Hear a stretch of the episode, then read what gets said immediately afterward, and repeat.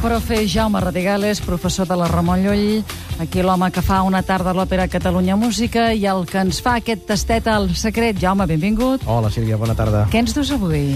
Doncs mira, avui us vull parlar d'un espectacle que es presenta al Teatre Nacional de Catalunya. De fet, ja fa unes quantes setmanes que s'hi presenta, tot i que és un d'aquells uh, petits grans muntatges, petit perquè és de petit format, gran perquè darrere hi ha molt d'esforç, molta dedicació. És un espectacle que es diu Opereta. Um, lamentablement no tinc molts talls de l'espectacle perquè només ens n'han enviat dos, uh, però abans d'entrar de ple en el que és la interpretació de cor de teatre, que són els qui ho protagonitzen, uh, m'agradaria que els oients sentissin, es familiaritzessin amb el tipus de so que es poden trobar si van a veure aquest espectacle. Seria aquest.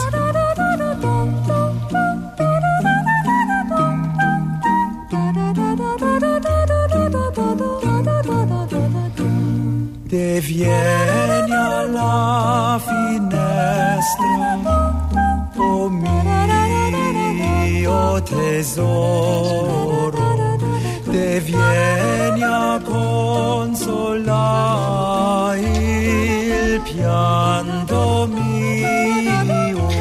fet, aquests són els Swingle Singers, que és un conjunt britànic que fa eh, fragments d'òpera i també de música antiga, utilitzant tan sols la veu i utilitzant-la de manera instrumental.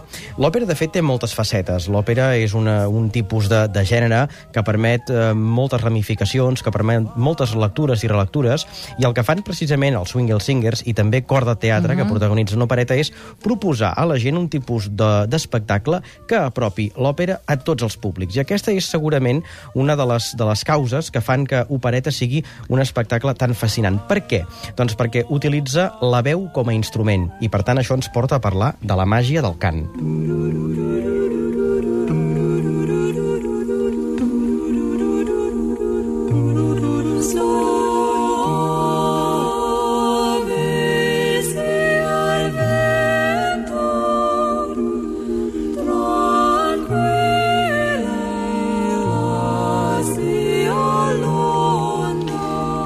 Els cors, eh? Potser no els valorem de vegades tant com en els solistes, no?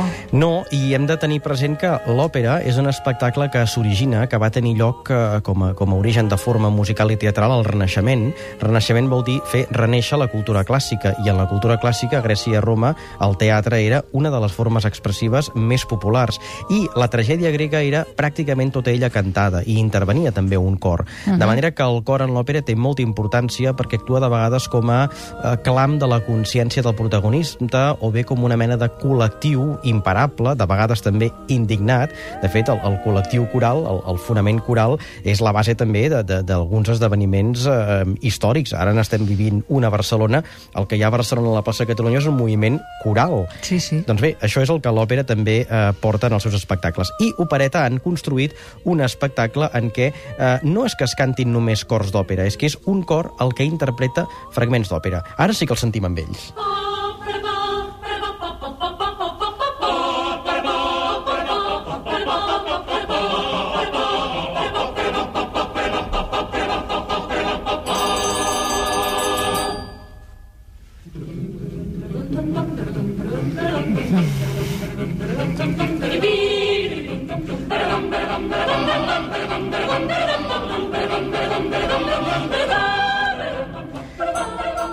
Això té molta maca, gràcia, eh, Sílvia, té molta gràcia. Sí. És, això és un fragment de Guillem Tell, de, de Rossini. I és que què, què fan al Teatre Nacional de Catalunya? El que fa Cor de Teatre, que és eh, una agrupació coral de Banyoles, cosa que, d'altra banda, també em sembla molt interessant perquè és una manera de descentralitzar el que són els espectacles presentats a Barcelona a càrrec de companyies de fora, el que fan és escenificar diversos fragments. No escenifiquen el fragment corresponent a l'òpera a la qual pertany, sinó que escenifiquen gags, esquetxos, la majoria molt divertits, tot i que també n'hi ha d'altres que poden ser més o menys evocatius, poètics, fins i tot alguns d'ells una mica dramàtics, com per exemple l'evocació de la figura de, de Maria Callas, una dona desencantada i desencisada de la vida, i el que fan és eh, il·lustrar, mm, donar un caràcter visual a aquests fragments musicals. Hi ha fragments de la Traviata, que mm, té un sketch molt divertit, amb un, amb un rodatge en el que la gent a poc a poc eh, va caient en una borratxera palatina, hi ha fragments de Boris Godunov, de la flauta màgica de Mozart, del Barber de Sevilla, del Nabucco de Verdi, dels contes de Hoffman, de la Norma de Bellini, dels Samsó i Dalila, i el que fan aquesta gent és això, escenificar amb aquesta música que canten també ells mateixos. Acaben exhausts, acaben esgotadíssims, perquè han d'estar cantant i actuant i movent-se per l'escenari.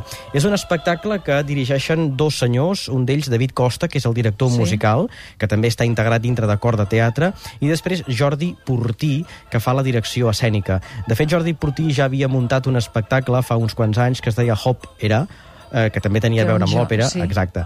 El que passa és que allà a Hop Era la música era gravada. Uh -huh. sonava en disc. Aquesta vegada no és música en directe. Jo recomano molt, moltíssim als oients de Catalunya Ràdio que vagin a veure aquest muntatge que es presenta fins aquest diumenge en horaris de cap de setmana. Dissabtes a les uh, Sis de la 6 de tarda. la tarda, exacte. Diumenges a les 12. Sí, senyora. Al TNC, eh? Al TNC, a la sala gran, a la mateixa sala on es representa el misantrop, doncs es fa també aquest Clar, espectacle. en hores fora, diríem, de la representació teatral. Tenim encara una miqueta més Sí, de peça Som-hi!